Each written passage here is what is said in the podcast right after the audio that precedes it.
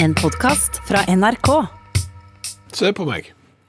Om jeg ser ut som jeg har et lite tillitvekkende vesen. Skal jeg avgjøre om du har et lite tillitvekkende vesen? Ja, ellers øh, ser det ut som jeg farer med løgn og fanteri, ser det ut som jeg ikke har greie på noe, ser jeg dummere ut enn for eksempel deg. Du ser helt vanlig ut. Helt vanlig ut, ja. Mørkt hår, øh, skjegg med grå stenk, Ja, kan vi si. ja. Ja. Nei, men jeg bare lurer på, du føler ikke at skjegget gjør at, jeg, øh, at du ikke får tillit til meg, at øh, du tenker at, oi, han har skjegg, han, dette, han har ikke greie på det han driver på med. Du tenker ikke det? Ikke i det hele tatt. Nei. Hvorfor spør du? Fordi at jeg kom over da ei, ei nettside der det var lista opp alle amerikanske presidenter med ansiktshår. Altså det det ramser opp alle presidentene med ansiktshår, og da, da mener jeg bart og, og skjegg. Ok, Ka- hva for noen presidenter som hadde bart eller skjegg, eller begge deler? Ja. Og så viser det seg jo det at når du går nedover lista her, så er det jo nesten ingen presidenter i USA som har hatt skjegg før du er godt ned på 1800-tallet. Altså noen har hatt bart, ja, men, men skjegg? Nei. Sier du det? Nesten ikke skjegg i det hele tatt. Altså, du, må, du må tilbake til Benjamin Harrison, som eh, var president i 1889 til 19, og- 1893. Han hadde skjegg! Lincoln hadde skjegg. Jo, men han var før. Ja. Det var en periode der på, på slutten av 1800-tallet. Da var det tydeligvis vært populært med skjegg å være president i USA. Men, men etterpå der? Nei. Ingen. Ingen, med skjegg. Og da begynte du å lure på om skjegg og bart eh, på en måte signaliserer eh, mangel på et eller annet. Ja, ja, ja. Og så tenkte jeg, er det kanskje bare et amerikansk fenomen? Men så begynte jeg å tenke, hm, hva tid så en norsk statsminister med skjegg? Har du brukt mye tid på det? Ja, jeg har faktisk brukt ganske mye tid på dette. Eh, Tenk deg om. Ja. Altså, kommer du på Altså, Erna Solberg har ikke skjegg. Nei. Det hadde vært eh, kanskje litt lite tillitvekkende hvis Erna Solberg hadde skjegg. Så den, den ser jeg. Jens Stoltenberg hadde han skjegg. Mm. Nei. Mm. Kjell Magne Bondevik hadde han skjegg. Nei. Torbjørn Øgland hadde han skjegg. Nei. Gro Harlem Brundtland hadde Nei, hun nei, skjegg. nei, nei, Jan P. Syse. Nei. Kåre Willoch. Nei. Han hadde jo nesten ikke hår heller. han. Nei. Ikke skjegg. Eh, Oddvar Nordli. Nei. Trygve Jeg kan Bratteli. ikke gå gjennom alt nå, men, jeg, men svaret er nei. Nei, og og Erna, Ge- altså, B- B- Borten og Gerhardsen og, Er det der- der ingen? er, Jon Lyng, der er ikke skjegg. Jeg, jeg eh, må jo prøve å finne bilder av disse eh, gamle statsministerne i Norge for å så se om det er noen med skjegg. Og den jeg fant ut som hadde skjegg, Ja. Abraham Theodor Berge. Når opererte han? Ikke sant? Du har ikke hørt om han engang. Nei. Du visste ikke at han hadde vært statsminister. Nei. Han var statsminister i 1923 og 1924. Med skjegg. Og Han var da eh, for- formann i Frisinnede Venstre. OK. Ja. Ja vel. Det er ikke venstre. Det er frisinnede venstre. Det er sikkert sånn som springer rundt og kler av seg og ja, er, er frisinna. Eh, hva vet jeg. Han hadde skjegg, Ok. fant jeg ut. Har, har du gått bredere til verks her og sett på, på, på statsråder, og, og på en måte ikke bare statsministrene? Er det mye skjegg der? Ja, Jeg har ikke gått, jeg har holdt meg da på statsministerposten. Jeg burde gjerne gå litt videre og se på utenriksministre Ja, for med der, skjegg. der, der slår det inn noen. Det, det, Jan Petersen, skjegg. Ja, Ja. Jørgen Kosmo, bart. ja. Eh, Kommer ikke på flere i Nei, farten. der ser du, der er veldig lite ansiktshår blant de styrende. Ja. Og det s- begynner jeg også, så kanskje jeg må rett og slett eh, ta skjegget hvis jeg skal framstå som seriøs og som jeg har greie på det jeg snakker om. Det kan nesten virke sånn, hvis du skal følge den der forskningen din.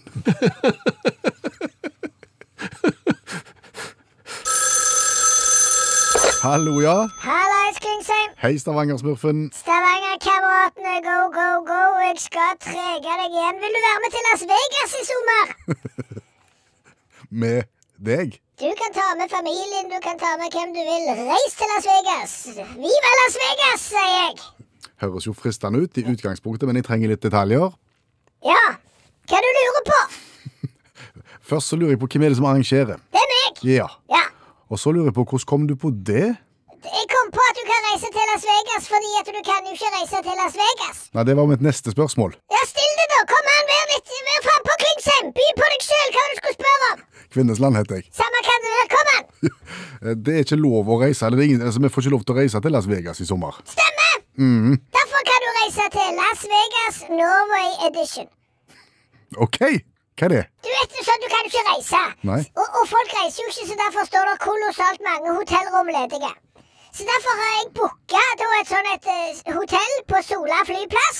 Og, og der lager jeg Las Vegas. Ok. Du har vært i Las Vegas, Klingsheim. Det, ja, Kvinnesland. Ja, det har jeg vært. Ja. Ja. Og, og det er jo sånn at når du er i Las Vegas, så er du jo bare inne. Er du det? Ja, nesten. Du er jo bare inne på hotell, og så gambler du og sånn. Samme kan det være. Så derfor så har jeg booka et helt hotell, og så lager jeg et norsk Las Vegas. Med sånn spillehall nede i resepsjonen der, og alt som skal til. Det er, det er mer i Las Vegas som skal til for at du skal føle at du er i Las Vegas. Det er bedre enn ingenting. Ok. Nå må du ikke være så kritiske. Så du kan reise til det hvis du skal ikke er fornøyd, så kan du reise til Rio, da. Skal du lage Rio òg? Rio de Janeiro. Jaha. Ja. Samme hotell, eller? Nei, nei, nei, nei. Nei. Langt derifra. Jeg har booka en hangar på Sola flyplass. Jeg er i ferd med å fylle den med sand. Ja. SU Speak. ja. Tonnevis med sand inn i hangaren. Ja. Og så har jeg fått tak i noen sånne projektorer. Og så viser jeg da bilder av sånn skyline eh, Rio de Janeiro på veggen. Ah. Og så skaper jeg sånn eh, brasiliansk sambastemning der. På, på en måte. Ja, på en måte, ja. Ja, jeg sliter litt med den. Å ja. Ja, det var kajakken som hadde ansvaret for å skaffe et sånt et brasiliansk sambaorkester. Kajakken naboen din. Ja, Har, har ikke han klart det? for å si det sånn, det har han ikke fått til. For det er jo ingen brasilianske sambaorkester som får lov til å komme til Norge pga. denne epidemien. Nei, sant? For Brasil, der er det gale. Ja. Så det eneste han f fikk tak i, det var sånne noen overliggere som ikke kunne reise hjem ifra Li... De skulle egentlig høre til i Lima. I Lima? Ja, det er sånn peruanske greier med poncho og sopanfløyte. Det er ikke det samme. For å si det sånn, Klingsheim, det er ikke det samme når du skal lage Rio de Janeiro-stemning på Sola flyplass, og så kommer det noen i poncho der med, med sånn panfløyte. Altså. Det er ikke det samme. Nei, det er ikke det. Så jeg- den er jeg ikke helt i mål med. Nei, Men ikke- eh, du kan booke deg til Las Vegas hvis du vil. Ja. På Sola. Et lite kritisk spørsmål der. Har, har du klarert dette her med, med lotterimyndighetene og, og, og gamblings... Ikke ennå. Nei, ikke ennå. Det er ikke alt av det der som er lov i Norge. Når Norge er stengt ned, så må du, vi- du må legge godsida til. Mm. Ja, ok. Du må l- vise litt velvilje. Når det kommer da gründere som gjør alt de kan for at turistene skal komme til Norge og nyte Las Vegas, så, så får du si det sånn. Da må du bare si OK, det går for denne gangen. Ja. Så der tenkte jeg det var bedre med tilgivelse enn tillatelse. Så den har, det er sånn tenkte jeg å fikse det. Skal du lage omelett, så må du knuse noen egg, på en måte. Det var ikke dumt sagt. Nei. Jeg Salig Katt Klingsheim, det er det smarteste jeg har hørt på aldri den tid. har ikke kommet på det sjøl. Der har du det. Da ble jeg ikke overraska likevel. Men da har du tilbudet stående. Ja. Du kan velge Rio de Janeiro eller Sola. Er det dyrt? Om det er dyrt, ja. Ja. ja, ja, ja, Jeg har chartra fly både fra Tromsø i, i nord og Bodø og hele kysten. Så kommer det charterfly. Og, og for å si det sånn, det er dyrt, men det koster å reise på ferie både til Las Vegas og, og Rio de Janeiro. Det skjønner vel til og med du. Jeg skjønner det. OK. Ja, fine. Snakkes! Ha det. Ha det! Har du sko Herman. Satt du i halsen? Å, Det ble for sterkt uttrykk for meg, dette. Kom igjen. Nei, Jeg skulle spørre om du har sko med borrelås. Om jeg har sko med borrelås? Ja. Nei, Nei? jeg har ikke det. Nei, Nei. ikke jeg heller. Nei.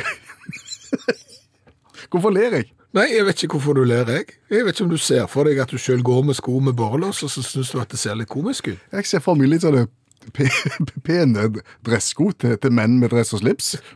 Og, så, og borrelås. Det ville ikke vært det samme. Nei, for så vidt ikke, men, men ungene dine har jo hatt borrelås. Ja, ja. Og har gjerne borrelås. Og det er jo sånn at det, sko med borrelås Mm. er jo utvikla fordi at sko med snøring, f.eks., er vanskelig. Og så skal vi lage da noe praktisk som er enklere enn å s- knytte skoene. Så lager vi borrelås. Ja, ja, ja. ja. Og, og så, i det øyeblikket vi lærer å knytte sko, nei, da er det slutt på borrelåsen. Ja. Altså, hva da for? Ja, kom. Altså, du har utvikla et produkt som forenkler noe, og når du da er i stand til å løse den vanskelige oppgaven, nei, da tar du vekk det lette. Det var jo som at du på en måte hadde knapper, og så fant du på glidelåsen. Det var jo mye enklere. Ja. Men så lærte du å knappe, og da gikk du vekk fra Nå, glidelåsen nå, igjen. nå er du inne på noe Nå tror jeg faktisk du er inne på noe du ikke har tenkt på sjøl. Ser du det? Ja, men altså, glidelåsen var jo en oppfinnelse Ja. som ble gjort fordi at det var enklere enn å knappe. Nettopp. Ja. Vi vokste jo opp og hadde glidelås i f.eks. dongeribuksa. Med alle de utfordringene det førte med seg hvis du hadde vært ute og bada og bada i underbuksa og skulle ta på deg dongeribuksa uten underbuksa. Det var vondt. Det var kjempevondt. Ja. Men så kommer det jo da dongeribukser tilbake igjen med knapper, for det er ikke fint nok med glidelås. Nei, og da har du jo lært deg å knappe. Ja. Så, så, du lager da et produkt som skal forenkle noe, og når du da har klart å forenkle noe, så går du tilbake til nei, nå, nå gjør vi det vanskelig igjen. Kunne ikke du tenkt deg joggesko med borrelås? Altså, helt, helt ærlig.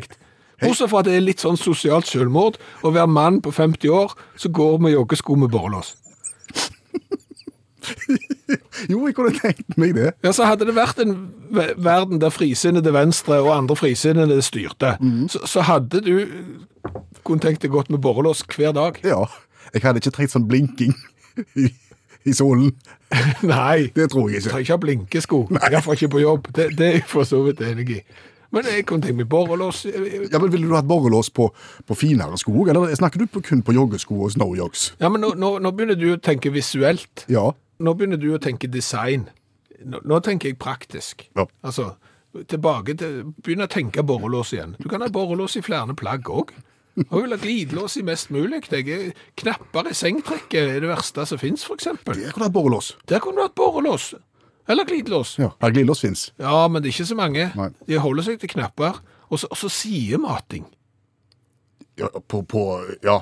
på sengtøy, på ja. sengetøya. Helt meningsløst. Altså, hvem er det som har kommet på at vi skal stappe dyna inn fra sida? Ja, I et mye mindre hull enn enn dyna er brei og lang. Ja. Ja. Nei, det er helt meningsløst. Så borrelås og Ja til borrelås og nei til sidemating. Det har du det. Ja. Det er oss. Det kunne vi gått i 1. mai-tog for neste år. Ja. Du kan jeg og du bli enige om en ting. Hva da? At hvis en av oss bruker uttrykket i disse koronatider Mm. fra og med nå, og de neste to årene, så skylder vi den andre, altså den som gjør det, 500 kroner. I disse koronatider Ja. så skylder vi hverandre 500 kroner hvis vi bruker ordet i ko- disse I den koronatider. setningen i disse koronatider. Jeg er så lei, og Ok. det tror jeg folk er også. Ja, men da skal jeg bruke det for siste gang nå. I disse koronatider så blir vi eksponerte for ord som vi nødvendigvis ikke kjente til på forhånd. Det stemmer. Vi har måttet lære oss hva en kohort er. Vi tror at kohort er en liten del av en klasse, mens egentlig så er det 480 infanterisoldater fra den romerske hæren. Det er jo bare rot. Pandemi, Ja, det har vi lært. sosial distansering. Ja, men det er jo nesten ord som fins, og så blir det lagd noen nye ord. Ja. Og det For var, eksempel hytteskam. som har dukket opp også, ja. Ja. Og det var de ordene vi hadde lyst til å snakke litt mer om. Og da må vi jo kalle inn allmennlæreren med to vekttall i musikk, Olav Hove. Velkommen igjen. Tusen takk. Du er rette mannen her, er du ikke det? Ja, for så vidt. Hvorfor ikke? Det er, jo, eh, det er jo lingvistene har fått sin plass i solen. Ja. Ja, og det er jo ikke bare positivt. For jeg føler de er litt mer entusiastiske enn resten av verden. da. Men om det er noen som har satt seg ned og så samla alle de nye ordene som har oppstått i disse tider Ja, det er det. Noen har laga ordbok. Å ja. Ja. Nordmenn? Nei, hollendere. Dessverre, jeg har lest denne her ordboka i helga, og det er sannelig ikke lett å lese hollandske ordbøker, skal jeg love dere. Men altfor utakt, tenkte jeg da. Eh, og i disse koronatider så må en jo gjøre sånne Nei, han var ikke med på Nei, det. jeg var ikke med. Ja, men iallfall to, eh, to hollendere, da. Seniorredaktør Ton von- Tondenboen og antropologen Harald Prins. Ikke konge Harald, altså. Harald Lagøy. De har samla inn 700 ord som ble brukt i, i hollandsk offentlighet under koronakrisen. Eh, og så skriver de òg at de har supplert med noen egne, og det tror jeg jammen de har gjort. da. Eh, hvis hollendere har brukt alle disse ordene her, så har de ramla så heftig i ordspillgryta at jeg tror aldri landet kommer ut av det. Eh, Men enkelte ord er OK. Enkelte ord liker jeg ikke så godt, og enkelte ord skjønte jeg ikke, for det står på hollandsk, og forklaringen var òg på hollandsk, da. Ta noen eksempler. Ja, altså ehm, eh, eh, De har ikke med hytteskam, men de har nyseskam. Nyseskam? Ja, nyseskam, det er hvis du nyser i offentligheten. Du har, du har gateskam.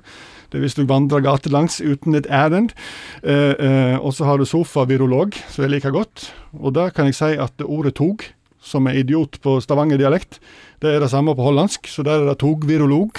Jeg elsker ordspill. Det er hvis du er, hvis du er, er amatør-smittevernekspert, da. altså 99 av Europas befolkning. Ehm, hvis du langter etter en klem eller et godt håndtrykk, så har du hudhunger. Eh, hvis du gir fullstendig blaffen i alt myndighetene sier, og bare klemmer og herjer på og bruker ikke sprit, da er du en covidiot. Covidiot. Covidiot. Ja. Det er gode ord. Men så føler jeg at de har mista det, liksom. Eh, eh, rett og slett. da. For det blir for mye, det blir for mye ordspill. Eh, selv om koronakapsel for koronasveis eh, kanskje er bedre enn koronasveis. Eh, men så kommer det ting som eh, hvis du, eh, hvis du passer på alle andre, og, ikke, og, og, og rapporterer hvis folk ikke gjør som de skal ifølge myndighetene, så er du en koronazi. Uff, nei, det Hvis du, eh, Nå hvis begynner det du å bli svakt. Mm. Skal du snakke med naboen eh, og passe på reglene som gjelder, så må du da helst stå på altanen og snakke med en, og da kan du ha en såkalt balkongversasjon. Eh, begynner å bli dårlig. Ja. Hvis du leser for mye statistikk, om- så er det såkalte dommedagsskroller. Eh, hvis du driver med det som mange hollendere gjør, med å lage eksperimentelle longdrinks i- under karantenen, så visste noen å gjøre. Så hvis du da blander whisky, soyasaus, kesam og melange, så lager du en såkalt karantini. Um, Dry. Drei karantini. Shake and not stir. Er du pålagt å bruke maske i offentlighet, så er det viktig at du pynter den, og da, da, er, du- da driver du med såkalt maskara. Ja, men det begynner å holde nå, ho- hodet. Begynner å bli slitsomt, det her. Ja. Eh, em, det blir mye kovitsing gjennom hele boka. Eh, ja. Ok, Jeg orka ikke mer. Jeg kom til kohort etter ca. 520 år. da var det nok. Da var det nok. Det er sikkert og lingvist. Tusen takk, allmennlærer med to vekttall i musikk, Olav Hovegard. Når du gikk på videregående skole, Ja. og sågar universitet, og hadde eksamen, ja. og så var du ferdig med eksamen, Mm. altså på eksamensdagen, hva gjorde du da? Da leverte jeg inn. Ja, du, du så over at det du hadde gjort så tilforlatelig greit ut, Jepp. og så leverte du inn, ja. Og så gikk jeg. Så gikk du, ja. Mm. Herlig. Ofte var det vår, da. Ja, Og det var en sånn frihetsfølelse, og du gikk ut og var ferdig på en eller annen måte. ja. var helt Men, men da var de som satt igjen Å ja. med nøyaktig samme oppgaven som du hadde svart på, men de var ikke ferdige, Ja. så de gikk ikke. Mm, Nei, og av og til så satt jeg jo helt til slutt. Ja, ok. Til helt til siste til bitter end, men eh, ja. Men det var alltid noen som satt helt til slutt. Ja. Og så var det noen som gikk kjempetidlig. Ja, ikke så ofte på universitet gikk de kjempetidlig, men på videregående skole og sånn, da, da gikk de tidlig. Det var gjerne de som hadde mest sånn chips og cola med seg. Det var litt omvendt proporsjonalt, på en måte. Ja, størrelsen på colaflasker var gjerne omvendt proporsjonal med karakteren du fikk på eksamen, Ja. viste det seg. De gikk tidlig. Men, men det var jo de som gikk kjempetidlig. Ja. Og så hadde du de som bare gikk tidlig, og de fikk ofte enormt god karakter, for de kunne det så godt. Mm. Matteprøver og sånn, halve tida var godt, ferdige, Og leverte, knuste fikk de. sekser og, og, og sånn. Ja. Men det var jo ikke noe vits i å sitte der når du var ferdig. Nei, nei, nei. Nei. nei. Hvorfor spør du? Nei, hvorfor er det ikke sånn på jobb? Hvorfor er det ikke sånn at når jeg da har gjort det som jeg skal gjøre den dagen, så kan jeg gå hjem? Nei, det er jo ikke sånn. Nei, det er ikke sånn. Nei. Altså, Selv om jeg er ferdig og ikke klarer å komme på noen ting mer jeg skulle ha gjort, så må jeg allikevel sitte der. Og Så kan det hende at noen kollegaer for eksempel, skal gjøre nøyaktig det samme som meg, men de jobber kanskje litt seinere, og så har de kanskje litt tungt for det, jeg vet ikke. Og så bruker de hele arbeidstida på å gjøre det samme, og resultatet trenger ikke nødvendigvis være eh, bedre enn enn jeg som var ferdig litt tidlig og kunne tenkt meg å gå hjem. Men det er jo veldig få yrker kanskje hvor du har en sånn helt bestemte ting du skal gjøre den dagen, at når det er gjort, så er det gjort. Eller kanskje er det sånn? Ja, har du bakt i brød når du skal så- som baker, så kan du Jeg ser jo at det er som brannmann, for eksempel. Så, Mm. Da sitter du på vakt og venter på at det skal ta fyr, og så tar det ikke fyr, så går du ikke hjem. Nei. Det, det, det, det er ser bare jeg også. dumt. Det er bare dumt. Men det er jo sikkert ganske mange yrker der du har arbeidsoppgaver fra dag til dag, og ikke så veldig mange langsiktige prosjekt, og så er du ferdig, og så er det takk for i dag. Ja, men skal- det er jo ikke det. Nei, men skal du da ha betalt helt fram til arbeidstidens slutt? Tenker du det, da? Selvfølgelig. Nei, det går Ja, men hva skal Hvorfor skal jeg da få dårligere betalt enn for eksempel da noen andre som gjør nøyaktig det samme som meg, men som har litt tungt for det? Nei, du... Altså, jeg også kan jo sitte der og late som om jeg eventuelt gjør noe en ganske lang stund før jeg går hjem. Men det kunne jo vært et sånn et insentiv til å få ting gjort, med at når du er ferdig med dagens oppgaver, ja, da kan du gå hjem. Litt som på eksamen. du hiver opp brannfakler her. Veldig. Ja. Ville du hatt det skulle kommet pensjonister og passet på deg når du skulle gå hjem òg? Og, og sjekket at alt var OK, og fulgt deg på do? Følger meg på do. Det må komme pensjonister og, og følge oss på do. Ja. Nei, Jeg ser han ikke ferdig tenkt, Nei, det. ikke helt. men, men, men det kan være noe til et eller annet sånn, fordi at eh, nå, nå skal vi jo ha lønnsoppgjør når vi ikke skal ha lønnsoppgjør. Ja. For nå skal jo ingen få eh, penger, for, eh, for det er jo så dyrt nå. Så da kan du hive dette her inn i tenketanken, tenker du. Ja, jeg kunne rett og slett gjort det. Ja. Eller ikke. Nå skal jeg stille deg et spørsmål jeg har stilt deg før. Kom igjen. Hvor sterk er du på russisk litteratur? Og nå skal jeg svare på samme måte som jeg har svart før. Uhyre svak, vil jeg si. Men det kunne vært mye verre. Det kunne vært veldig mye verre hadde det ikke vært for den spalten vi har i dette radioprogrammet, som heter Kjente bøker på fire minutter. For du har ikke lest ei eneste russiske bok. Men allikevel så kan du navnet på noen, og du kan noen eh, av forfatterne. Ja, ja, jeg kan litt om innholdet i det òg. Ja. ja, ja. Det er fordi Janne Stigen Drangsholt, forfatter og litteraturviter, kommer til oss hver mandag og går igjennom en ny klassiker på fire-fem minutter, sånn at vi kan framstå som om vi har lest den etterpå. Og i dag en ny russiske.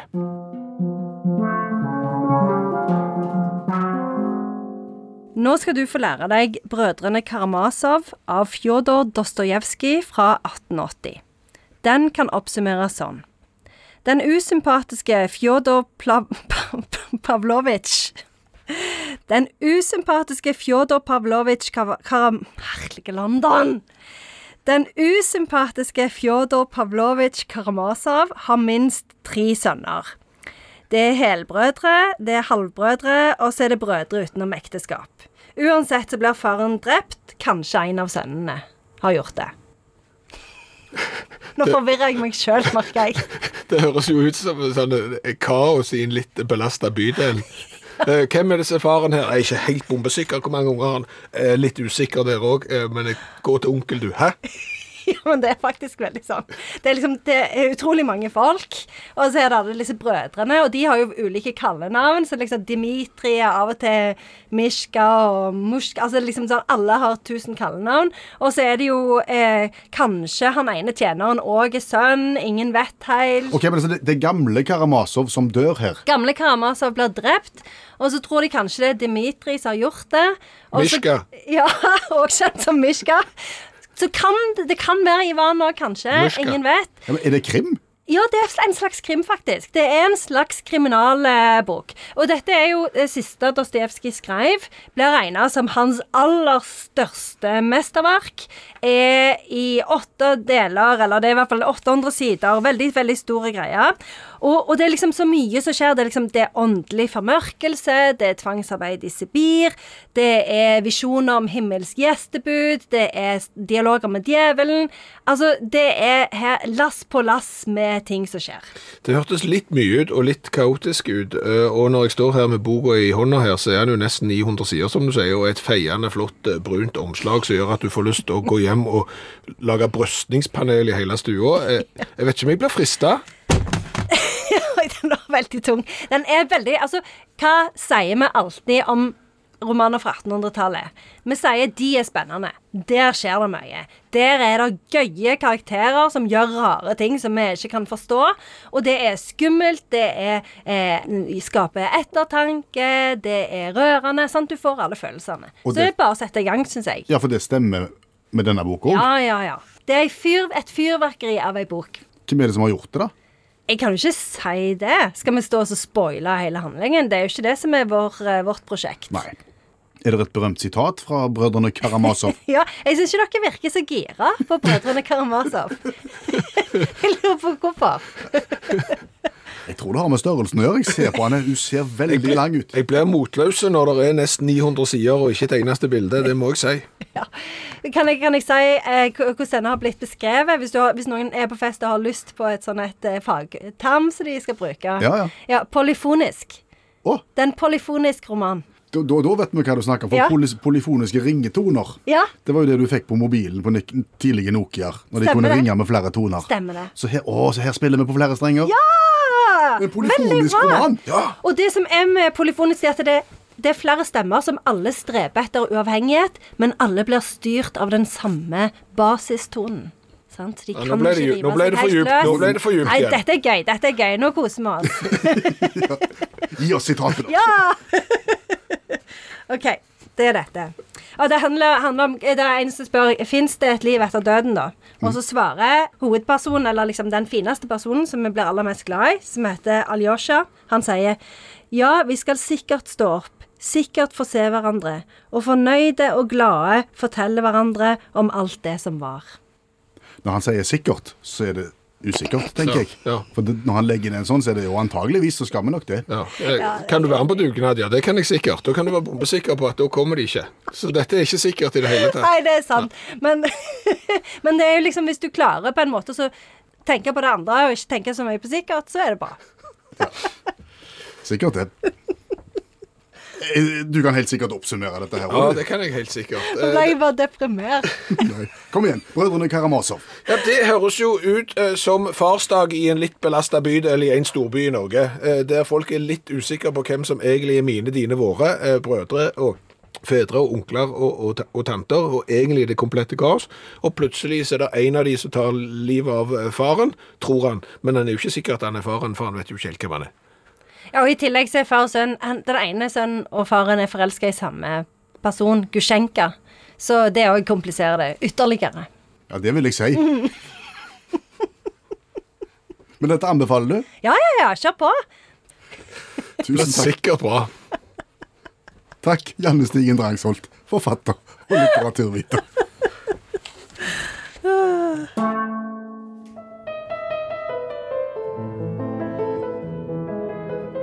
Hvorfor starter vi siste delen av Utakt med å spille til Elise? Fordi at amerikanske rotter tilsynelatende elsker Beethoven og Til Elise. Sier du det? Ja, de liker det mye bedre enn Miles Davis og sangen Four. Dette er jo jazz. Dette er jazz, ja. ja og, og um, amerikanske rotter liker ikke så godt jazz Som klassisk. ja, når de er edru. Vi blir dummere og dummere, dette. her. Ja, men det er helt sant. Altså, Amerikanske rotter eh, Egentlig så foretrekker de ikke Beethoven heller. Altså, eh, Edru amerikanske rotter, hvis de kan få lov til å bestemme helt sjøl, Mm. så vil de ha fred og ro. Å ja. De elsker fred og ro, men hvis de må velge mellom Beethoven og Miles Davis Når de er edru. når de er edru, så velger de da eh, Beethoven. Hvis de er på skjenk, da. Da er det ingen tvil, da liker de jazz. Altså, det viser seg det at eh, kokaininfiserte rotter Oi sann. altså har drevet og rusa seg på kokain. De elsker Miles Davis. Ok, det, det, er, det er mange spørsmål som trenger seg på her nå. Ja, Men altså, dette her er en litt kontroversiell studie fra 2011. Som er utført på Albany Medical College. Og Der hadde da vitenskapsfolk samla 36 rotter. Og, og utsatte de da for enten til Elisa Beethoven eller Four av Miles Davis. Og det viste seg det at når de da var helt edru, som sagt, så, så foretrakk de stillhet, men måtte de velge etterpå stillhet, så gikk de for Beethoven. Men så begynte de å ruse de, og, og, og ga de kokain. Og mens de ga de kokain, så spilte de da Miles Davis for dem. Og da begynte jazzfoten å gå. Da for- begynte jazz. Da begynte jazz. Klapte de sikkert før de var ferdige og sånn, sånn som de gjør når de, når de liker jazz. Ja. Og så når rusen da begynte å avta, og de igjen ble edru, Så gikk de tilbake til Beethoven. Nei, så likte de fremdeles jazz. For det viser seg det da, at de forbinder denne her eh, trippen som de har hatt, dette, denne rusopplevelsen, forbinder de da med jazz. Og da begynner de å like jazz, selv om de igjen er edru. Ok, Spørsmål to. Hva var det egentlig forskere hadde forsøkt å finne ut med denne forskningen? her? Ja, Det var jo liksom om du kunne få rotter til å like noe med at de trodde at det var en belønning s- som fulgte. Og, og belønningen da, det var jo kokain. Sånn at eh, det, da begynte de å like jazz, for de forbandt det med, med denne belønningen. Skjønner. Men, men det er jo ikke så mange, altså det er jo ikke verdens mest anerkjente dyreforsøk. Nei, det er ikke for, det. for å si det sånn, og det var omstridt, og det havna jo inne på lista over de ti mest idiotiske dyreforsøkene i eh, 2011. Da, da var ni andre òg her, altså, som var gale. Ja, det, det, er- altså for å si det sånn, det er utrolig hva forskere har fått av offentlige midler for å forske på dyr. Det, det er så dumt. Eh, som sagt så, så var denne blant, blant topp ti. Det vil jo da si at det er ni andre som er riv ruskende galne. Kan vi ta det etter Jim eh, Diamond? De skal du få høre om. Så hørte vi da om rottene som eh, begynte å like jazz etter at de hadde fått kokain. Ja. Det, det er forskning pågått i 2011. Ja. og da, inn- den forskningen der er da inne på lista over de galleste forsøkene gjort. På dyr i 2011, ja. Det er ei topp ti-liste der. Jeg jeg har ikke sjekket om det er andre år, men, men tju- og og om 2011 er eksepsjonelt, det, det vet jeg ikke. Eh, Men det er jo dyrevernorganisasjoner som har satt fokus på, på dyreforsøk, og har da lista opp eh, de ti mest idiotiske. Eh, Kan du gå inn på syvendeplassen? Der eh, Lay University og Universitetet i Minnesota da, eh, har funnet ut det at hamstere på diett foretrekker mat før sex. Det er ikke bare hamstere som gjør det. På diett. Nei, nei. Det, du, du kjente deg Du kjente deg igjen. Nei, men Det har de da fått eh, offentlig støtte til å finne ut av. At hvis jeg er hamster og er på slanken, ja, da foretrekker jeg å spise framfor å ha meg. Eh, hvis du da går inn på eh, femteplassen, så finner du ut det at gjesping blant sjimpanser det smitter. Det gjør det blant mennesker òg. Ja, men det smitter mer av empati enn noe annet. For hvis du da utsetter eh, en sjimpanse for en i- annen gjespende sjimpanse som han ikke har noe go- nært forhold til, så er det ikke sikkert han gjesper med. Nei. Men, men hvis det kommer en, eh, en kjenning, Ja. eh, en sjimpanse som han har, har et godt forhold til, og, og den gjesper, ja, da gjesper han med. Eh, Da har de da konkludert med at de gjesper av empati. Eh, På fjerdeplass finner du det glitrende forsøket der de da har funnet ut at eh, en alligator sin lyd og måten han lager lyd på er vidt forskjellig fra menneskene. Og to streker under det svaret. Ja, det var det ingen som hadde tenkt at kunne ha noe for seg. Nei, Mm. nei. På tredjeplassen, hvis du for eksempel eh, har lyst til å fram eh, provosere en ereksjon hos en apekatt, bruk Jeg har ikke hatt behov for det. Nei, men da, da kan du bruke ting som lukter sitron. Å ja? Blir han hoien på sitt Ja, men det er litt det samme som å, å, å utsette rotter eh, for kokain og jazz. Altså Hvis du bare lurer han til å så få nok sånn god erfaring med sitron, så kan bare lukta av sitron gjøre at eh, apekatten sitter der med en knallhare. Akkurat. Ja. Den, eh, og da er vi inne på andreplassen. Jeg er spent. Og der var jo rottene våre. Ja. Rottene som da likte Miles Davis eh, godt når de hadde fått seg narkotika. Ja. Eh, på førsteplass Skal vi ha en fanfare? Ja, det kan vi godt. Ja.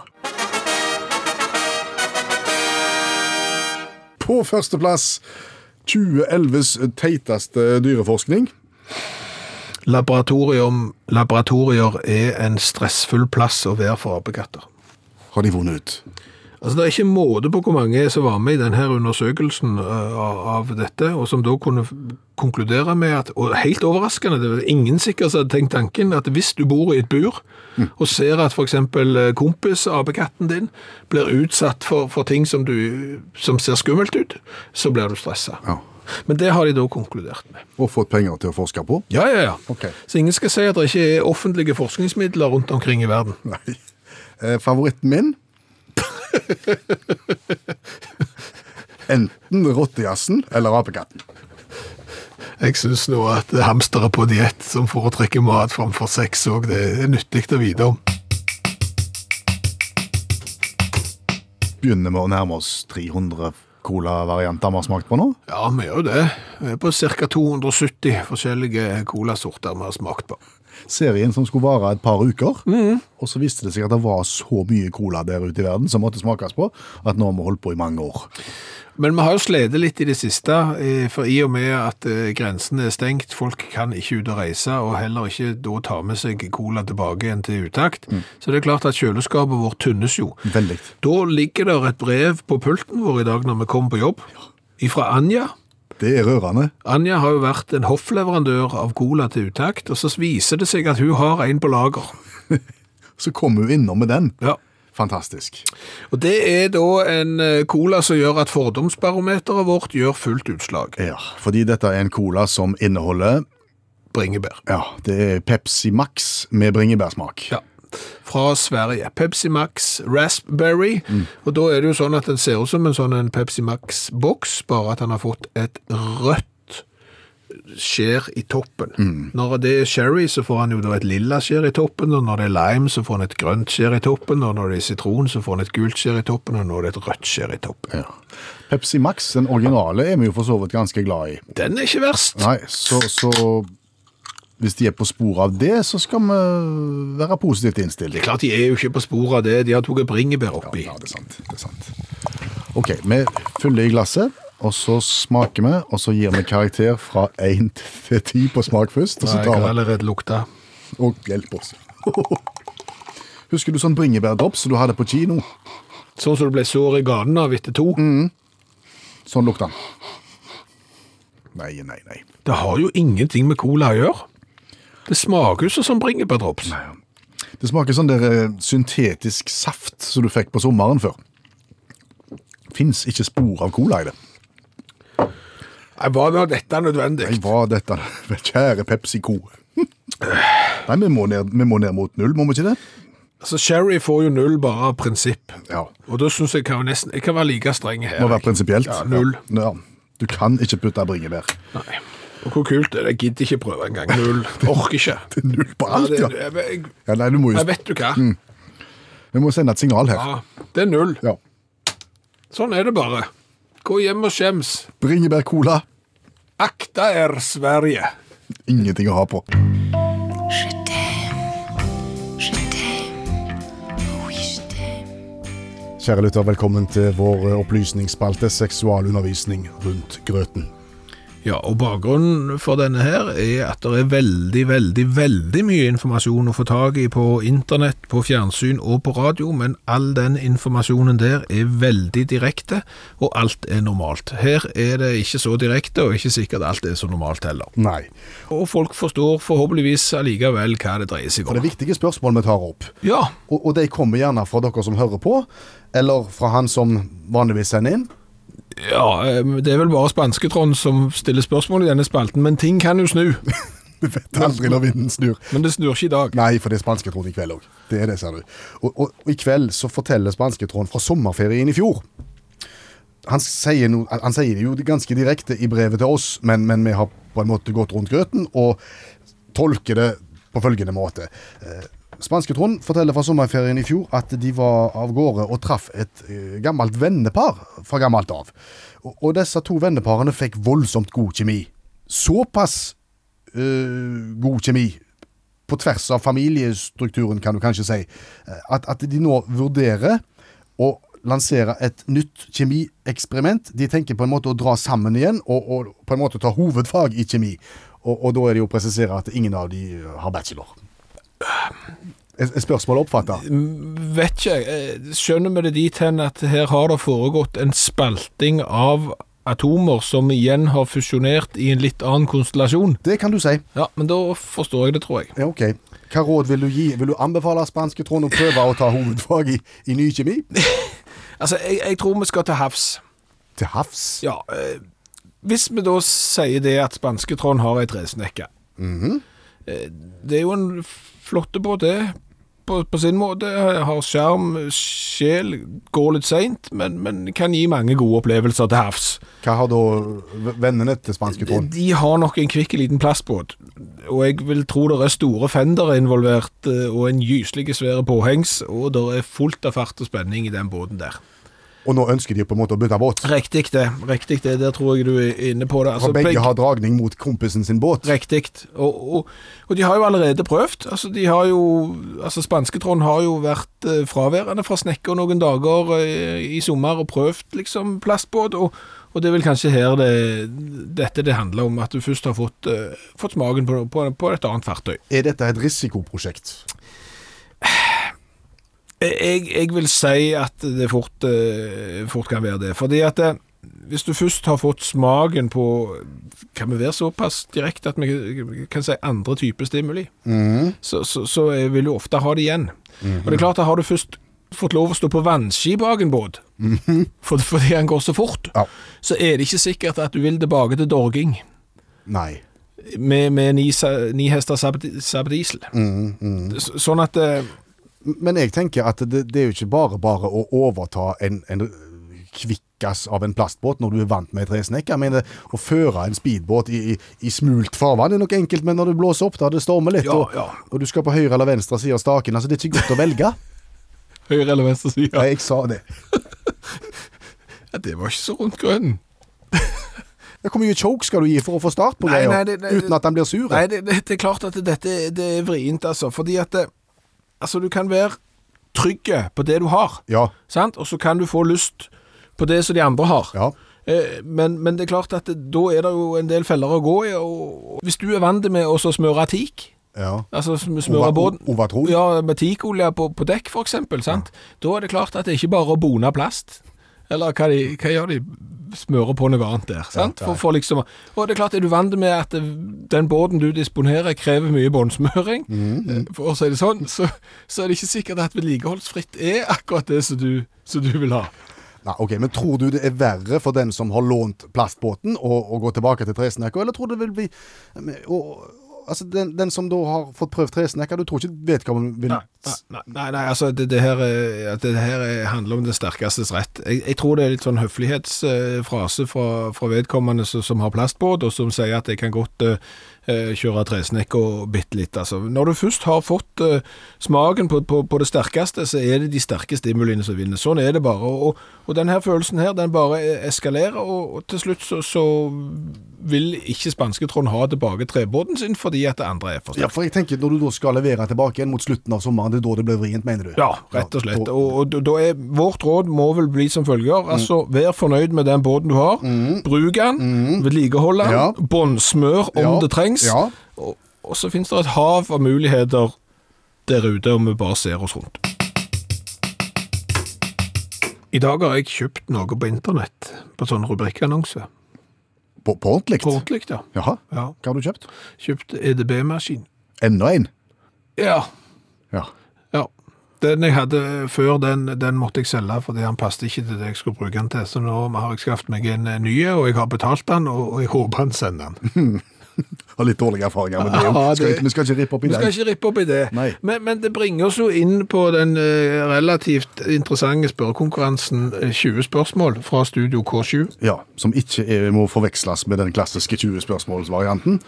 Den, den ligner litt, men, men Den ikke ligner veldig, faktisk. Men utgangspunktet er rubrikkannonser på internett. Du Mm. har funnet en gjenstand som er for salg, eller skal gis bort, eller Ja, den skal selges, ja. den skal selges. Mm. Ja. Og jeg mener at jeg ved hjelp av 20 spørsmål så skal jeg kunne klare å finne fram til hva som er for salg. Det er det du mener. Ja. Og, og du har jo vært relativt god eh, opp igjennom, men i dag tror jeg du skal få slite stort. Ok. Mm. Men da må vi gjøre sånn som vi pleier. Nå må jo du si til alle som hører på utakt, Mm. hva jeg skal finne ut av, og så skal jeg stenge ørene, så skal du si det. Per Øystein skal gjette seg fram til Norges bebyggelse, Nord-Trøndelag, midtre del, ei bok.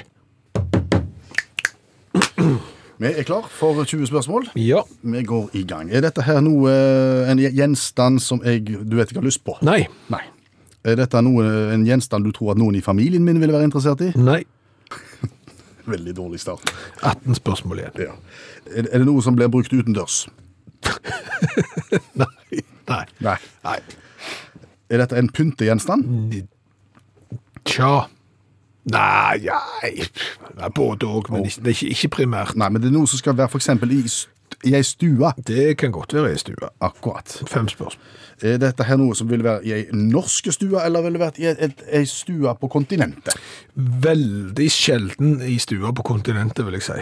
S- Jeg kan si med, nesten med 100 sikkerhet at det er ingen i Spania som har dette i stua si. Nei. Ok. Er det noe som du kan på en måte Lager det lyd? Nei, altså, det er ikke, det er ikke typisk bråkgjenstand, nei. Nei. Greit. Eh, jeg, jeg har sagt stua, jeg må bare få bekrefta det. det. Det er noe som ville vært plassert i stua. Ja. er det tilknytta fjernsynsapparatet, eh, hifi, video, lyd? Nei. Ingenting. Nei. Eh, bokhylla? Ja. Ja. Da, da snakker vi noe som kunne være både et pyntegjenstand og ikke. Da er det eh, leksikon. Nei. Nei. Det er ikke det. Nei. Men er jeg inne på det? Ja. Ja. Vi kan vel si såpass at det er ei bok. Og nå har du ti spørsmål igjen på å finne ut hva bok det er. som ikke på ingen måte er interessant på kontinentet. Så dette er ikke en klassiker. Nei. Det er ikke det. Er det en typisk norsk bok? Det er kjempetypisk norsk bok. Er det en typisk lokale bok? Typisk lokale bok. Akkurat. Da er det lokal sånne historiske bilder fra Rogaland. Nei. Nei. Eh, er det, kan det være lokalhistoriske bilder fra Indre Troms? Nei. Nei. Men er jeg på spor av noe? Det kan møtes på midten. Nei, ikke det. Lokalhistorie? Ja, ikke lokalhistorie heller. Slektskrønike? Nei. Nei. Nei.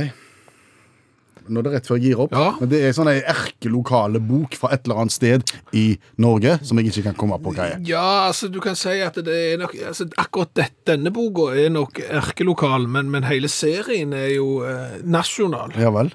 Og det er, ikke, det er ikke Norge i bilder. Mm. Nei. Nei. Gir du opp? Jeg gir opp. Det er Norges bebyggelse. Er det ei bok? Ja, Det tror jeg er i boka. Dette her er da herredsbindet for Nord-Trøndelag, midtre del, fra 1958. Altså, Den inneholder da Steinkjer, Inderøy, Kvam, Sandvollan, Røra, Ungdal, Namdal, Eikonarøya, Snåsa. Det er 1029 sider. Hva får jeg den for? 1100 kroner. Det er et varp. Ja, det... det- er et varp, selv om jeg ikke klarte det på 20 spørsmål. Det er gitt ut av AS Norsk Faglitteratur. Skulle vi benytte sjansen nå til å skryte litt av Annelise? Det syns jeg, for Annelise har da funnet ut at på Voss eh, så fører de ikke hemsko. Nei, de gjør ikke det. Nei.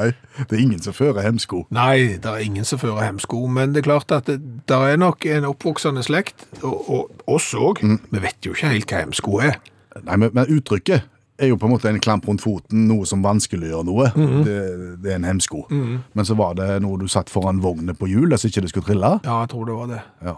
Men, men, men jeg syns jo det var litt gøy hvis noen kunne gå i en butikk I en, sk- en skobutikk. ja, og spørre om de hadde hemsko, for vi tør jo ikke sånn. sånt. Nei, vi tenkte at det er det ingen som våger. Men det vågte jo Annelise. Hun satte seg på motorsykkelen, kjørte fra Ulvik til Voss i pluss en halv grad for å spørre etter hemsko størrelse 43. Hva sa de? De hadde ikke. Nei. Og hun har dokumentert det med lapp signert og stempla i butikken. Vi fører ikke hemsko i størrelse 43. Da vet vi det. Bra, Annelise.